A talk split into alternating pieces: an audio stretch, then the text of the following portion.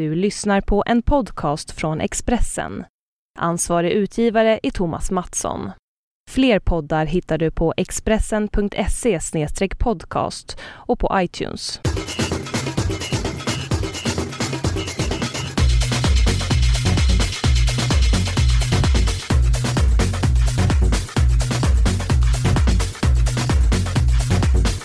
VM-podden, här är vi igen som ni har längtat. Eh, det är en elektrisk stämning i studion som vanligt. Eh, vi har klarat av grupp A, och grupp B. Nu är det dags för grupp C med Thomas Wilbacher, Jonas Espen Esbjörnsson och Johanna Reimers, våra VM-gurus som har koll på exakt allting kring den här turneringen. Och idag så får ni imponera för att vi ska prata om en grupp som eh, måste betecknas som en dynggrupp ändå i det här sammanhanget. är det inte det? Är det, är det här verkligen en VM-grupp Espen? Det är ju det här som är dödens grupp. det är så. Dödstråkig kanske. Nej, jag tror inte det. Ja. Det är klart att den är mycket sämre och eh, mindre spektakulär än alla andra, men vi har i alla fall ett lag som jag ser fram emot jättemycket att få se och följa här. Mm, jag misstänker att det möjligtvis är Colombia för de spelar nämligen, det kanske inte är alls svar, men jag ska bara säga vilka var lag som det var spelar. Det var rätt. Eh, vi ska väl berätta för er som inte har koll på vilka lag som ingår. I den här gruppen då, det är Colombia, Grekland, Elfenbenskusten och Japan. All respekt till dessa lag, men det kanske inte är eh, så här superspännande för de, de som inte är jätte eh, Det- det- eh, intresserade av fotboll. Det är de här dagarna som de som är fo- som, som ingår i familjer där andra i familjen inte är fot- fotbollsintresserade kan liksom säga nej men jag struntar i VM idag, det gör inget, jag är med er istället och så vinner man lite goodwillpoäng liksom. I. Då riskerar man dock att missa något. Det ska vi komma in på. Ja, Oj. så, så kan det vara. Så kan det vara, men Vilken, vilken allvarlig Ja, blick du hade. jag gillar den här gruppen. Jag känner Ja, starkt för Jag den här kände att du gruppen. blev lite förbannad där. Ja, men då får du börja, då får du börja säga någonting om den. Ja, vi kan väl gå på, ehm, vi kan väl gå på Colombia då möjligtvis. Ja, men Colom- ja Thomas börjar. Nej, jag såg att det, det, det Nej, alltså eh, Kom Colombia kommer till det här mästerskapet eh, med ett jätteintressant lag. Eh, De har imponerat i kvalspelet, det finns oerhört mycket talang, det finns redan etablerade stjärnor och Colombia är ett av de lagen som faktiskt kan överraska under VM och gå riktigt långt. Ja, jag instämmer i, i det Thomas säger. Alltså de, eh, man har under våren här tyckt att eh, allt har hängt på om Falcao kan vara med eller inte. Jag tycker inte det känns som att de är helt beroende. En sån som James Rodriguez och Cuadrado. Eh, även Jackson Martinez. Eh, det finns, man, har stark, eh, man har det starkt bakåt också. Det är ett väldigt bra eh, det är väldigt gediget lag som eh, till skillnad från flera sydamerikanska lag dessutom inte är speciellt beroende av hemmaplan. Det finns ju många sådana i det sydamerikanska kvalet som eh, till exempel är helt beroende av sin höga höjd. Colombia spelar lika bra borta som hemma. Man har en otroligt intressant förbundskapten i José Pekerman, argentinaren, eh, som ju lätt eh, han har knappt tränat några klubblag. Det är några småklubbar i eh, bland annat Leganes i spanska andra divisionen för några år sedan och så tror jag det är två mexikanska klubbar han har varit i. I övrigt har han ju tränat i stort sett alla argentinska ungdoms och juniorlandslag som har funnits och har vunnit otroligt mycket med dem. Eh, Han har bland annat eh, seger med det argentinska U20-landslaget eh, tre gånger, eh, 95, 97 och 2001. Precis, så att det, är ett otroligt spännande landslag det här och Colombia. Vad tänker ni på? Jag tänker på Carlos Valderramas frisyr, på René Gitas eh, skorpionspark och eh, naturligtvis eh, Andres Escobar, den tragiska historien från 1994. Det, det, det, det är liksom ett land som är otroligt spännande. Escobar som skulle säga sköts till döds där efter turneringen efter att ha gjort självmål eh, Mm. i en av eh, gruppspelsmatcherna. Ett dödsfall som givetvis skakade eh, en hel fotbollsvärld. Eh, Johanna, vad säger du om Colombia? Nej, jag är lika exalterad som de här pojkarna bredvid mig. Eh, jag eh, har tippat Colombia som en av överraskningarna som också kan gå långt, sådär kvartsfinallag. Eh, Och just kanske för att de eh, har en, eh, en, en lättare grupp då också gör att de kommer liksom komma in i det rejält på en gång, dominera gruppen och liksom bara flyga vidare. Eh, och jag tror inte heller att, eh, att eh, Colombia behöver vara alltför eh, beroende av Falcao. Jag tror däremot att det kanske kan vara viktigt rent mentalt att han kommer tillbaka, att han liksom, han är uttagen i truppen att han finns med kring laget liksom eftersom han är landets stora stjärna. Tänk dig Mm. eh, att Sverige skulle åka eh, på VM eh, och ha med sig Zlatan åtminstone liksom i truppen, finnas med på bänken. Alltså även om inte han spelar så tror jag att ändå att det kan vara liksom en sån där eh, boot som funkar. Och det verkar ju som att det kommer bli så i alla fall. Eh, Sen får vi se, han kan ju spela också. Eh, vi, vi, vi är i väntans tider alla. Det är inget som, som vi konstaterade i någon eh, podd här förut att vi inte först vi har startelvan som vi vet exakt hur det kommer se ut. Nej, och vi ska också nämna en spelare här för det är lätt att prata om de stora stjärnorna som Espen var inne på här tidigare så har vi ju James Rodriguez som gick till Monaco, ett Monaco som vi kommer få se i Champions League nästa säsong och eh, säkerligen så kommer han bli eh, vad ska jag säga, mer internationellt erkänd. Men jag tror att han kan bli det redan under det här mästerskapet. En fantastisk spelare. Men jag skulle vilja lyfta fram eh, en anfallare i... ja, absolut. Eh, Skjut han- in. Han, han, han har ju kallats den nya Valderrama. Mm, Och det är ju inte för frisyren. nej, Det exakt. var tråkigt ändå att det inte var för frisyr. Det kunde väl vara både Han har lite att jobba på där, det kan vi ju konstatera. Nej men jag skulle vilja lyfta fram en, er, en eh, ersättare till Falcao, en spelare som jag är övertygad om kommer starta i premiärmatchen, nämligen Teofilo Gutierrez. Som är en oerhört omtyckt eh, spelare i Colombia. Eh, jag vet att eh, min vän AIK-aren Oscar är helt kär i honom. Jag bara drog en referens här som ingen kände till, men jag vet att han lyssnar på det här programmet. Gutierrez, han spelar i River Plate till vardags. Han är en typisk sån här måltjuv, snabb de första metrarna, bra avslut och även bra i boxen på huvudet. Alltså jag tror att Gutierrez skulle kunna bli den spelaren som verkligen lyfter det här colombianska laget lite så här i skuggan av de stora stjärnorna, Cuadrado, eh, till viss del även, eh, vi får inte glömma bort Guarin som kanske det. kommer från en dålig säsong med Inter och inte har varit tongivande under kvalet, men som jag ändå tror kommer få en nyckelroll i VM. Men Gutierrez alltså, lägg det namnet på minnet, det är en härlig spelare. Och eh, skulle inte han lyckas så finns ju även Carlos Bacca från, som har gjort en eh, enormt stark säsong i Europa League-vinnarna Sevilla. Eh, så att det finns väldigt mycket. Och sen en sak till. Det här med eh, Colombia och överhuvudtaget alla sydamerikanska eller alla latinamerikanska lag kommer att känna sig väldigt hemma i Brasilien. Man har nära hem, man, eh, grän- väldigt många länder angränsar till till Brasilien. Man kommer att ha ett enormt publikstöd. Men just det här, den här känslan att man befinner sig i en vardag som är som hemma. Som, som de europeiska lagen inte alls Eh, kommer att göra. Och det märkte man i Sydafrika hade många, eh, många europeiska lag problem med det här att anpassa sig till trivsel. Det, hand, det handlar om så mycket i Latinamerika. Det är alla de här dofterna. Att åka förbi och igenom kåkstäder. Eh, många västeuropeer och västeuropeiska fotbollsspelare har, har liksom aldrig varit i närheten av detta. Det är, det är liksom krångliga, tröga transporter, saker som inte funkar som man är van vid. Saker funkar men inte lika lätt, inte lika snabbt. Eh, många små detaljer som gör, eh, som gör att man kan bli störd. Medan de sydamerikanska lagen, ja, det här är det de är uppvuxna med. Mm, och för att göra ytterligare en referens till Confederations Cup eh, för VM från förra året så eh, var det ju ett problem för många av landslagen. Eh, jag vet att eh, bland annat den spanska förbundskaptenen och den italienska förbundskaptenen Prandelli liksom eh, lärde sig ganska mycket. De har pratat om det inför VM när de har valt träningsanläggningar och så vidare.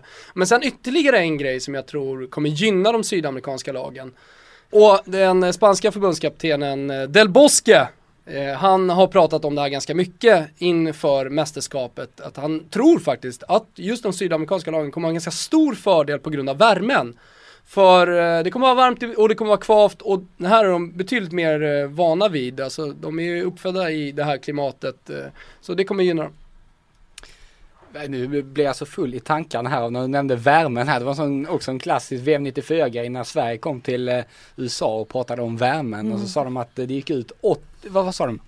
80 liter vatten på den första svenska träningen. Det var inte särskilt Oj. mycket. Ja men det är ju inte särskilt mycket spelare. ändå. Det är är, så- det är så här 30 spelare. Det är ju typ så här ett, eh, ja två och en halv Ja. liter vatten per, hälla över sig såna grejer. Ah, nåja, eh, strunt samma. Det är något som jag ofta hade hakat upp i den. Ja, precis. Men, jag tycker det är eh, fantastiskt med varmt. Ja, men Alltså, jag, jag blir, gillar men, det. Men jag blir så här också, det är varmt, jo men Brasilien är enormt stort. Har man suttit och planerat sina resor här nu under, eh, under för månaderna inför här nu så inser man att det kommer vara väldigt olika typer av väder också. Det är intressant. Eh, Det kommer ju liksom Glöm ner inte söder. mössan i Porto Alegre. Nej Johanna. exakt, jag ska ju till Porto Alegre och då är det mössa. Sen ska jag upp till Mm. Natal eh, några dagar senare och där kommer det ju vara högsommarvärme eh, om vi pratar svenska mått mätt. Så det, det, kommer ju, det kommer ju växla otroligt mycket. Alltså det och de här sto- långa resorna när man tittar på en karta och tror att det där tar man två timmar i buss. Det visar sig att det är två timmars flyg. Alltså det, det kommer vara mycket som kommer vara krångligt, inte bara för eh, spelarna. Men det, och, och de ska ju anpassa sig allra mest efter det här. Att Mm. Kanske sitta på långa flygresor eh, dagen innan match och sånt där. Så att, ja. mm. Precis. Sen finns det ju eh, ytterligare en orsak eh, för våra kära lyssnare att älska detta Colombia. Inte bara fotbollsmässigt. Vi svenska kaffedrickare kan väl bara älska ett lag som har smeknamnet Los Cafeteros. Los Cafeteria. Hur blir det på svenska mest korrekt? Blir det eh, kaffeiterna?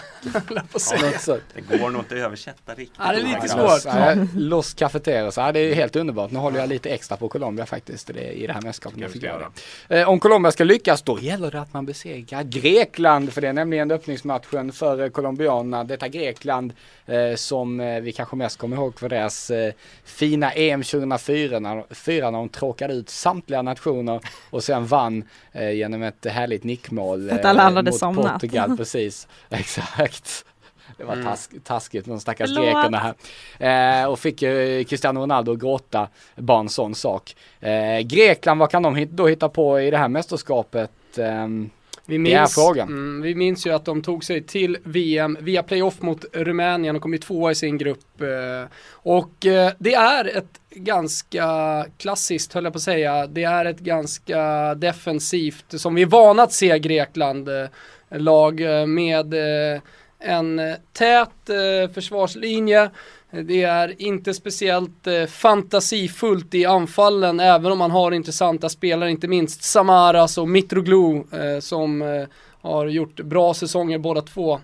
Eh, sen eh, har man ju fortsättning, fortsättningsvis också Georgios Karagounis. Eh, du gillar ju de gamla spelarna eh, Axel man och måste göra eh, det. Georgios Karagounis han är fortsatt ledaren i, för det grekiska landslaget. Eh, Det, det, det är väldigt mycket Grekland och vi kommer att få se ett liksom, kompakt lag som ställer om snabbt eh, även i det här mästerskapet. Deras hopp tycker jag står lite till att de just har hamnat i den här gruppen som är tämligen svag.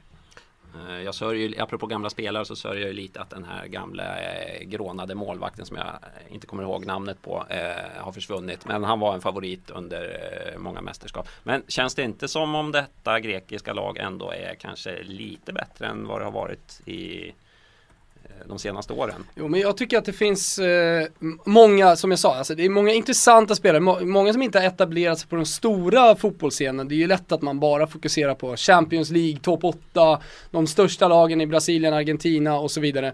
Men eh, det finns spelare som mycket väl kan få sitt genombrott eh, under det här mästerskapet.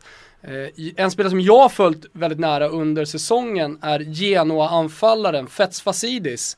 Eh, som är en eh, typisk nummer 10 typ. Nu är inte jag säker att han kommer att få spela från start. Men eh, det han har visat upp i Serie A under året, det har varit ganska, vad ska jag säga, ganska imponerande och det båda gott inför framtiden.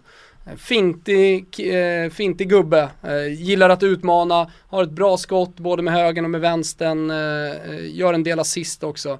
Det är en spelare man ska ha koll på. Och sen tror jag inte att alla har koll på Mitroglou. Eh, även om eh, jag sitter och säger här att han har gjort en bra säsong. Lyckades väl inte riktigt sedan han kom till Fulham då i, i, efter januari-fönstret. Men i Champions League eh, innan dess så var han fantastisk i, med Olympiakos. Jag är lite nyfiken på att se hur eh, Bundesliga mittbackarna kommer Mm. att klara sig. Sokratis som ju faktiskt eh, funkar. Underbart namn. Ja, funkar. Vi kan få ta hela namnet. Sokratis Papastatopoulos. Va? Är det rätt? Eh, Papadopoulos ja. Ja, min grekiska, lä- En min greki, subtil min grekisk sågning lärare alltså. sågade mig ganska ordentligt där. Men eh, han har, Jag tror jag han sa har klarat fel. sig, han har, eh, han, Jag tycker att han har funkat väldigt bra i Dortmund sen eh, han fick kliva in eh, istället för Subotic där och funkar, funkar väldigt bra. Och även eh, Schalkes unge Papadopoulos, Mm. Kyriakis, har haft väldigt mycket problem med knäskador med, är, är en väldigt lovande spelare. Så jag är, jag är nyfiken på vad, mm, hur, um, hur de eh, kan Det, är, i det är ändå, man kan ju slarva och säga Sokratis för att det är lite lättare men det är ju roligare att säga hela. Papastatopoulos. Och eh, smaskigt speciellt om han skulle spela i par med Papadopoulos. Då Ja. blir det ju Papastatopoulos och Papadopoulos. Vem är pappa i backlinjen central. där? Men vi ska inte heller glömma bort Torosidis. Eh, Roma högerbacken som är precis så stabil man vill att en högerback ska vara. Inte världens bästa spelare offensivt, han är liksom ingen Roberto Carlos. Men han ser till att hålla sin kant och släpper inte förbi sig någon. En Mike Lustig med andra ord. Micke Lustig i svenska landslaget. Eh, precis inte lustig. Han, eh, Torosidis, han vet hur man håller en stolpe. Sen är det väl faktiskt så att eh, Grekland har en del unga spelare på gång som inte riktigt är inne i startelvan här. Mm. Karagonis är 37 Ser. ung- och lovande. Nej men det finns en del eh, unga spelare här som eh, står liksom och, och, och knackar på. Eh, så Fernando Santos har, håller väl på att generationsväxla här och jag tror nog vi får dras med grekerna i slutspel framöver också här. Sista ord där. Det, fin- det finns en mycket spektakulär spelare i det grekiska landslaget. Bologna-mittfältaren Kone. Eller man kan säga Kone. Panagiotis Kone.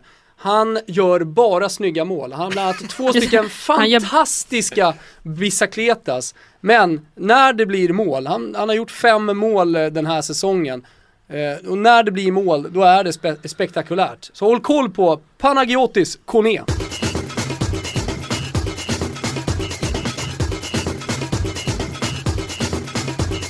Johanna, Johanna, du vakna nu Johanna. Nu, nu har vi pratat klart om, eh, om eh, Grekland här. Nu, mär- nu märkte jag nära och började snarka där.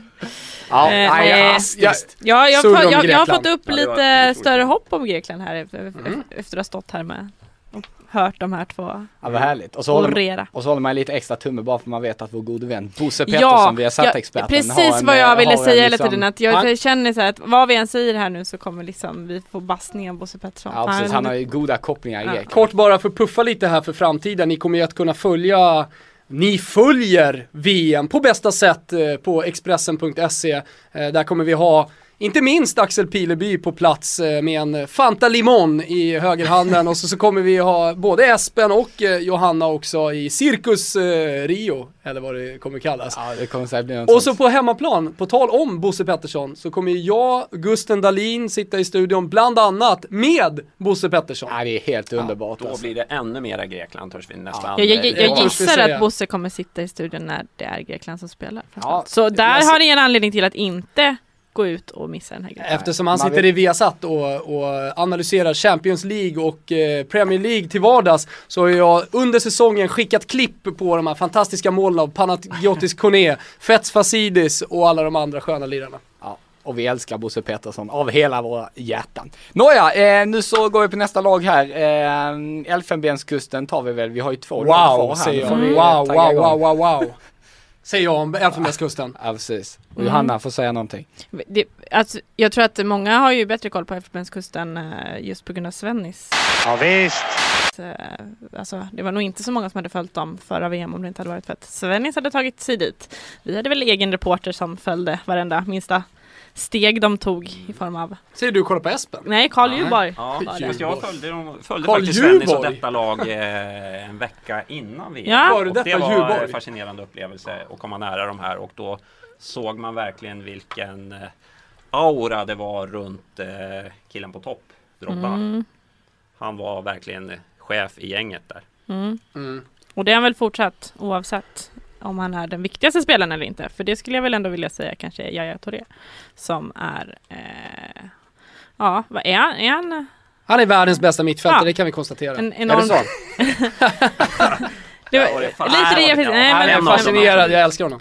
nej men han är, han är väldigt komplett. Skulle man väl vilja påstå. Mm. Så att eh, han kommer ju vara enormt viktig. Men jag, när jag tänker på Elfenbenskusten och då Svennis och förra VM, då tänker jag ju på den här sista avgörande matchen när de då eh, när Portugal hade slagit Nordkorea med 7-0 och de skulle kunna, de hade fortfarande ett halmstrå men de var tvungna att typ göra nio mål eller något sånt där. Eh, och liksom, ja, hela den Mm. storyn kring det. Var de då- hade en enormt svår grupp då. ehm, med eh, Portugal och Brasilien. Och, eh, Nordkorea. VM innan, och Nordkorea. och VM innan det hade de en svår grupp i form av Argentina och Holland. Eh, och nu har de faktiskt en ganska mycket lättare grupp. Då, då. Så det här kanske är eh, året när Elfenbenskusten tar sig vidare från gruppspelet, för det har de inte gjort förut. Nej. Å andra sidan tror jag det kan vara så här, det som, eh, som du säger att man lärde känna det här laget för fyra år sedan och som jag ser det så det är ju nästan samma lag och de var flera där ganska Som redan hade passerat bäst före Jag datum tyckte då. att Mm. många var på, de kanske stod på toppen för fyra år sedan. Några kanske hade börjat utförsbacken. Ja, Jaja hade väl fortfarande lite uppförsbacke då. Han kanske står på toppen nu. Men eh, Drogba är ju inte alls samma spelare som då. Inte Kolo Touré heller, eh, tycker jag. Och ja, det finns många, vi ska inte rabbla en startelva här, men eh, jag tror att det här laget har sett, sitt, eh, sett sina bästa dagar. Det, det pratades ju redan 2010 om att det var sista chansen för den där gyllene generationen att eh, gå långt i VM. Så nej, jag tror inte på Elfenbenskusten i detta VM. Så säger du, men du ropade ju Nej, jag wow, älskar att jag inte håller med. Jag älskar att jag inte håller med. målas jag älskar att jag inte håller med. Alltså reparera. jag, eh, jag håller med om att visst, Drogba han eh, har varit bättre, men jag tror att eh, han kommer kunna spela en ganska viktig och bra roll för Elfenbenskusten. Nu har man hamnat i en ganska enkel grupp, eh, vi- vilket, gör, eh, vilket jag tror då att man kommer ta, ta sig vidare från tämligen Eh, enkelt, till och med så att man kan vinna den här gruppen eh, före Colombia. Eh, jag, jag gillar det anfallet. Eh, Drogba i mitten då som spelar centralt och nu, till skillnad från 2010, så har han en formtoppad Gervinho bredvid sig. En Gervinho som har imponerat enormt i Roma under den senaste säsongen. Han eh, har liksom skakat av sig det här, eh, vad ska jag säga, det här fiasko, den här fiaskoartade sessionen i Arsenal och bli, verkligen blivit den här spelaren. Han var i Lille. Och så han, han har eh, liksom kommit tillbaka och blivit Lille Gervinho under Garcia. Och han får samma roll, betydligt mer offensiv i, i landslaget än vad han var under, i Arsenal. Och tillsammans med Drogba, kanske också med Salomon Kalou, men vi ska inte glömma bort en av mina favoritspelare från eh, det gångna Champions, eh, Premier League, Wilfred Bonny som eh, visserligen kanske konkurrerar om en plats med Didier Drogba. Jag hoppas att han får spela tillsammans med honom för det är en grym spelare, bra i boxen, också ett jättefint skott. Eh, jag tror att de kan hota och sen att, bara det att man har Yahya Touré på mitten som jag håller som världens bästa mittfältare just här och nu. Box till box mittfältare som när han väl får upp farten efter två meter är näst intill ostoppbar. Han har väl gjort 20 mål eh, den gångna säsongen som mittfältare. Jag menar, det, det är otroligt imponerande siffror och hans spel, han, han har liksom allt. Och så har han en TOT bredvid sig som drar på sig en del gula kort, men som städar av allt. En riktig städgumma där på mitten. Jag tror att eh, Elfenbenskusten kan eh, rubba eh, även stornationerna. Det enda som är svaghet, eller det enda, det är väl inte så enda, det är backlinjen.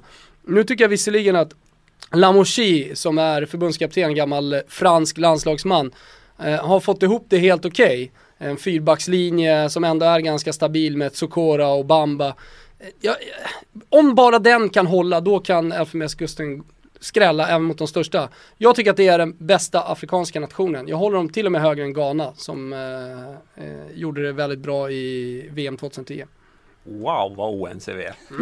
Ja, det gillar vi ändå. Vi gillar när det spricker i studion. Jag älskar spets. Däremot så är det ganska eh, svagt på bänken. Så att det gäller ju att nyckelspelarna håller.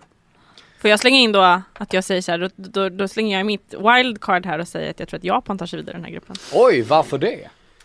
Därför att om man tittar på konstellationen, ehm, alltså du har eh, en, en italiensk coach med liksom taktisk briljans och sen har du snabba tekniska japaner som har, som varje vecka spelar Bundesliga-fotboll, väldigt många av dem. Eh, det är många som man inte, alltså det är ett sånt där lag som man inte har så jättebra koll på men som, kom, som är som kommer vara väldigt bra och som kommer överraska väldigt många. Eh, jag tror att de kommer kunna smyga sig fram i den här gruppen faktiskt, eh, bakom Colombia.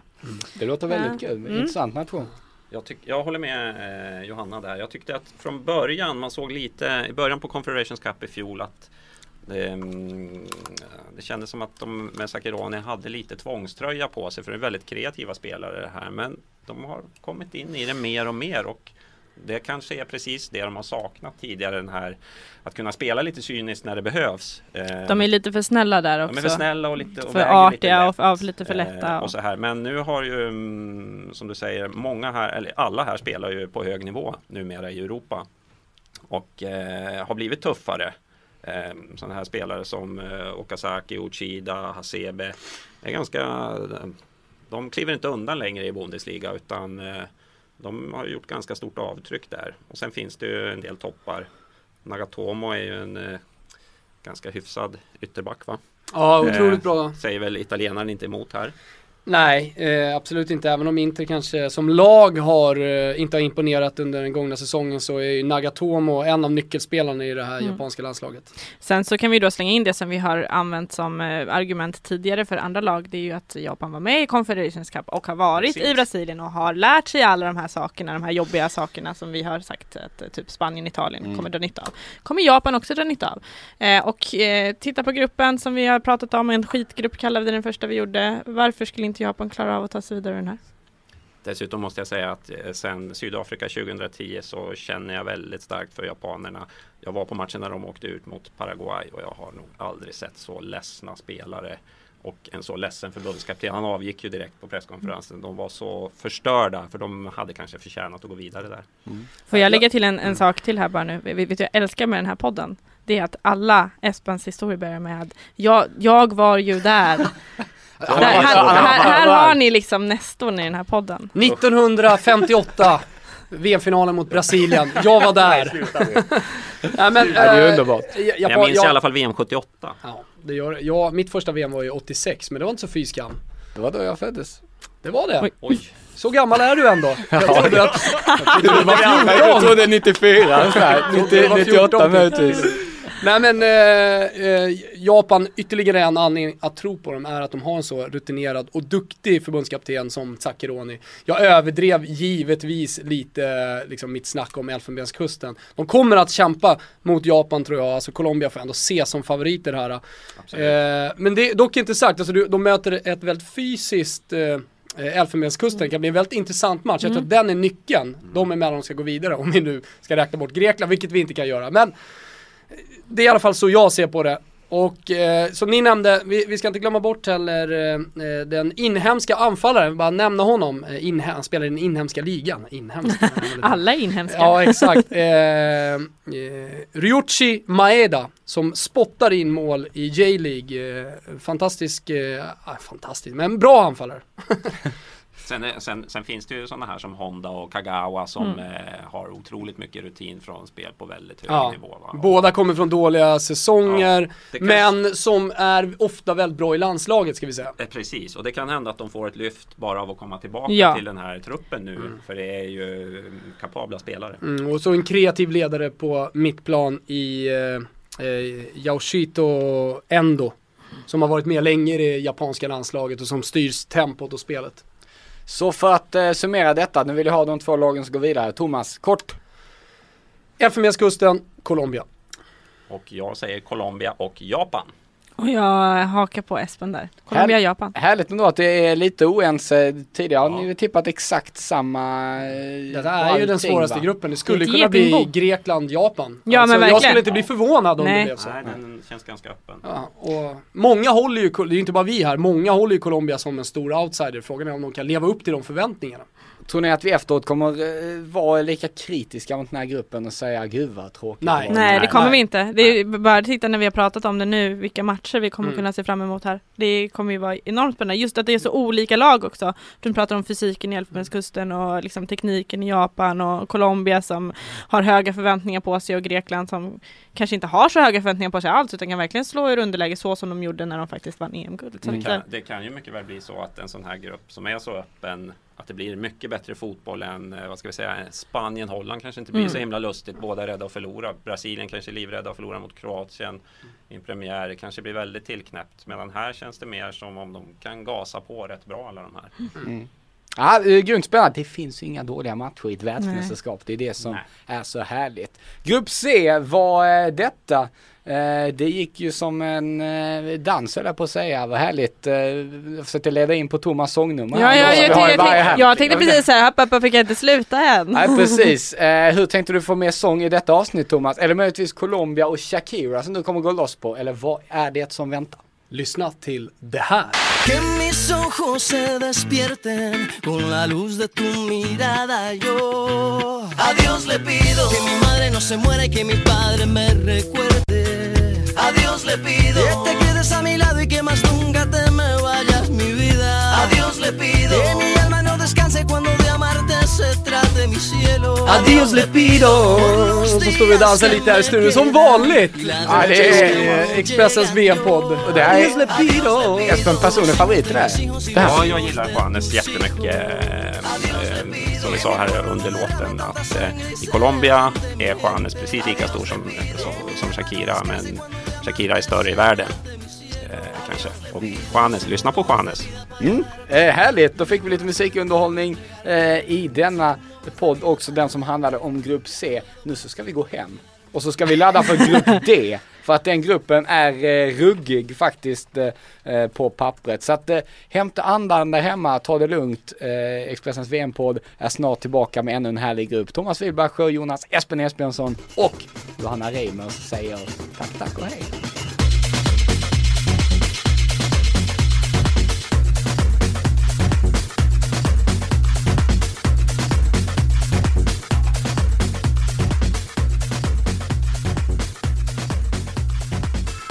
Han är ju precis lika stor som Shakira i Colombia. Ja. Shakira är större utanför Colombia.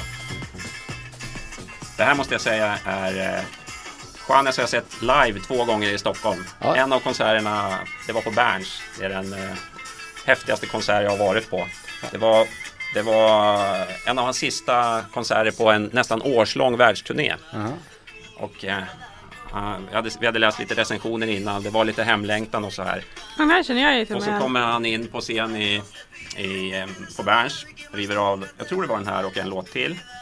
Och så börjar han mellansnacket på engelska.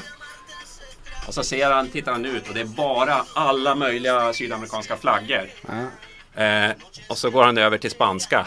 Sen är det inte ett ord till engelska på hela konserten och han verkar ha så jävla kul. Och det blev hur många extra nummer som helst. Jag har aldrig varit på en längre konsert. Han bara kom in och in igen och det var sånt drag. Coolt, coolt. Du har lyssnat på en podcast från Expressen. Ansvarig utgivare är Thomas Mattsson. Fler poddar hittar du på expressen.se podcast och på iTunes.